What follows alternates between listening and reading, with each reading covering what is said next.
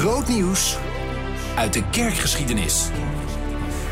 We zijn in Stadskanaal, uh, Laas. En nou ja, waar beter in Stadskanaal te zijn dan uh, aan het kanaal. Op een bankje in de zon. We hebben natuurlijk allemaal kerken gehad. Uh, monumenten, schilderijen met namen en verhalen. Hier zie je eigenlijk helemaal niks. Nee, en het is zelfs zo erg. Wij, uh, wij hebben het ook echt, uh, jij hebt het ook onderzocht. Hier is een straatje en die straatnaam die herinnert nog aan wat hier is geweest. Uh, het ministerpad. En het ministerpad dat verwijst naar Menno Simons. En dat verwijst dat hier iets moet zijn geweest van de dopers van de doopsgezinden. En dat is ook zo. Ja. Want waar hier nu een ontzettend mooie winkel staat, daar stond vroeger een, een doopsgezinde kerk. En nu, nu heb jij mij een tijdje terug, toen we ons aan het klaarmaken waren voor deze reis, een foto gestuurd van deze plek. Die ga ik even opzoeken op mijn telefoon. Dan zie je inderdaad het kanaal waar wij nu aan zitten. Ja. Uh, de bomen ook, het, dezelfde straat en dan het zijweggetje. Ja. Met aan de rechterkant, dat is dan dat kerkje, de doopsgezinde kerk. En ja, het is eigenlijk jammer dat die niet meer er is, want daar gebeurde wel iets bijzonders. Mm -hmm. De eerste vrouwelijke predikant Anna Tsernike, die was er al in 1911.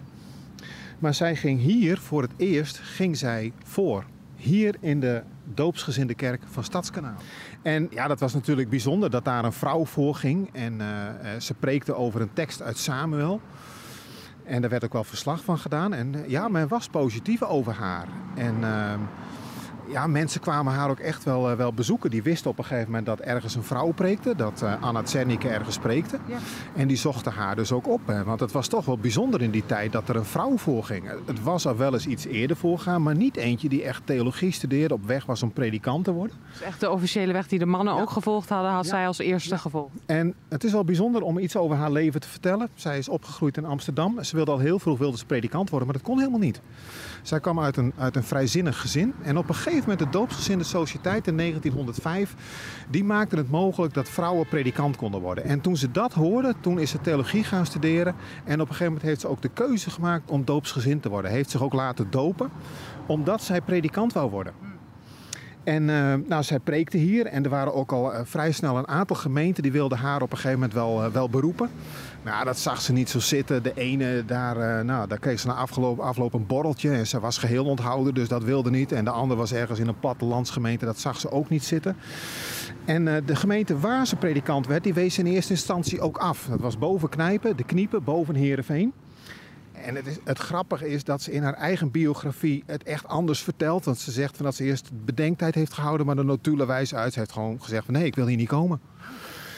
En dan, gaan en dan moet je even bedenken, hè, we zijn begin van de 20e eeuw. Dan gaan twee mensen van die gemeente van boven knijpen uit zo'n klein dorpje. Die gaan met de tram en met de trein die gaan naar Amsterdam toe. En die staan een wereldreis. Het was een wereldreis in die tijd. En die staan op een zaterdagochtend staan die bij haar op de stoep. Want ze willen haar overhalen om toch bij hen predikant te worden.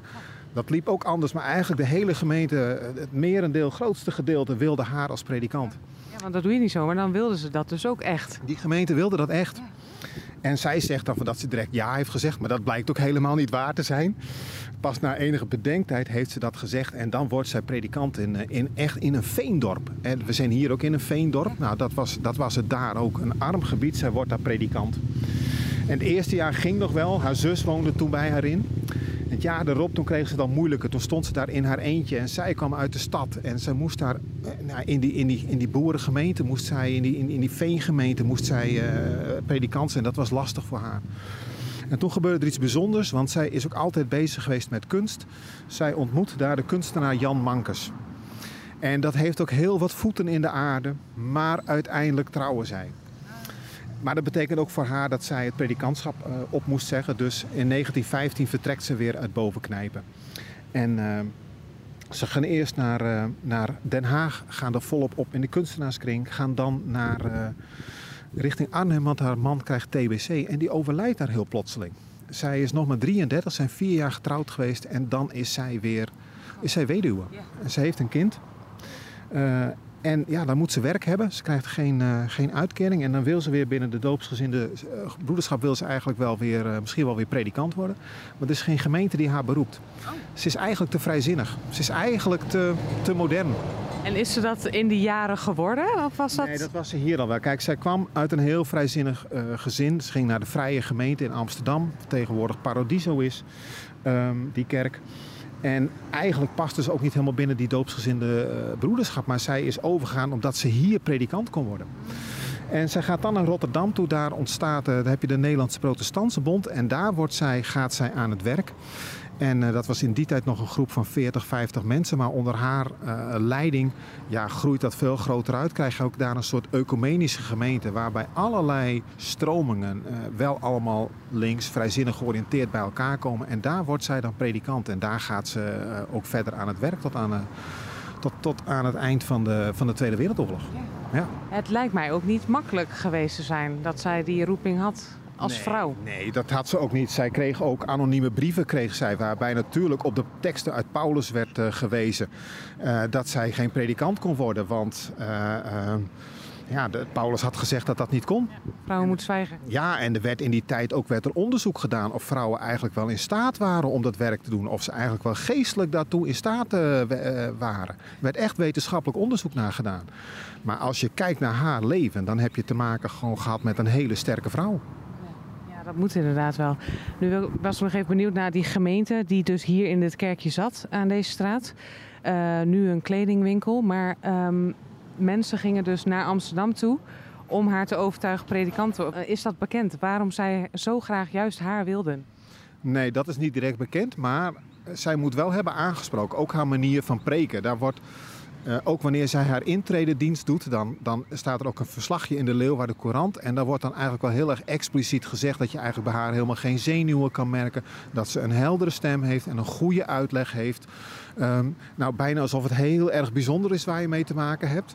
Uh, maar is inderdaad wel heel erg positief over haar kwaliteiten. En wat ze zelf later ook wel zegt, ze heeft wel iets van een klik daar gevoeld in, uh, daarboven Herenveen in die gemeente. Wat ze niet in die andere gemeentes had. Um, dus dat, daar moet iets, en dat moet die gemeente ook hebben gevoeld. En ze heeft het daar moeilijk gehad, zeker toen ze daar helemaal alleen was. Eh, ook omdat ze moeite had met die mentaliteit van die veenarbeiders. Dat ook in zware tijden dat ze dan toch al vrij snel zeiden van ja, maar dominee, het komt toch wel weer goed. Ja, terwijl zij wel wat dieper de gesprekken wilde hebben. Nou, die kreeg ze dan op een gegeven moment wel veel meer met, uh, met Jan Mankes. Ja, daar moet een klik zijn geweest. Tegenwoordig is het nog steeds een vraagstuk. Hè? Moeten vrouwen op de kansel staan? We zijn daar ook met z'n allen nog helemaal niet uit. Er zijn heel erg twee kampen en een klein beetje ertussenin. Waarom wil je toch dit verhaal vertellen van de allereerste vrouw eigenlijk? Nou ja, dat heeft natuurlijk te maken met de kerkgeschiedenis van Nederland. Wij kunnen niet voorbij gaan aan, aan dit moment, want dit is natuurlijk wel heel bijzonder. En ook te bedenken, 1911. Hoe vroeg dat al was, dat, dat realiseer je eigenlijk, uh, eigenlijk helemaal niet eens. Um, dus, dus daarom vind ik dat het gewoon aan de orde moet komen. Dit, dit kunnen wij niet missen in onze, onze, onze rubriek. Jij stipt die discussie aan. Ik denk niet dat het zinvol is om daar nu op in te gaan. Weet je, er is me in het leven van haar is mij iets opgevallen. Zij, uh, zij preekt op een gegeven moment in Bovenknijp en het is de, het is de Eerste Wereldoorlog. En zij, zij heeft het daar over een soort vaderlandsliefde. Ook met het oog op wat daar in België gebeurt. Dat, we, dat, nou, dat, dat, dat je niet zomaar antimilitaristisch kunt zijn. En Jan Mankes zit in de kerk en, uh, en ze hebben daar, op een gegeven moment hebben zij daar een gesprek over. En hij is echt pacifistisch en hij overtuigt haar ook van het pacifisme. En dat verkondigt ze ook tot en met, uh, tot en met dat begin van de, van, de, van de Tweede Wereldoorlog. En dan, zij is dan in Rotterdam, in Tuindorp en daar maakt zij het bombardement mee op Rotterdam. En ze schrijft er zelf over, en dat vind ik ook heel sterk. Ze reflecteert dan op zichzelf. En ze zei in eerste instantie was ik blij dat niet wij waren geraakt, maar zij. En ze schaamt zich ervoor dat ze die gedachten heeft. Hoe begrijpelijk ze ook zijn. Maar daar maakt ze ook een andere omslag. Dat ze op een gegeven moment doorheeft van ja, dat pacifisme is ook niet tot het einde toe vol te houden. En dan maakt ze een, een verschil tussen een verdedigende oorlog en een, en een aanvallende oorlog. En wat ik echt heel sterk van deze vrouw vind, dat je overtuigingen hebt, bepaalde overtuigingen. Maar dat je op een gegeven moment ook durft te zeggen van ja, ik heb dit altijd verkondigd, maar, maar klaarblijkelijk ligt het toch nog anders. En dat je dan een, een, een, een, een andere stap durft te zetten. En ik denk dat dat iets van het karakter van deze vrouw ook laat zien. Dat je, dat je op een gegeven moment durft te zeggen, ja wacht, ik zit hier fout. En, en ik moet er toch nog weer anders naar, naartoe kijken.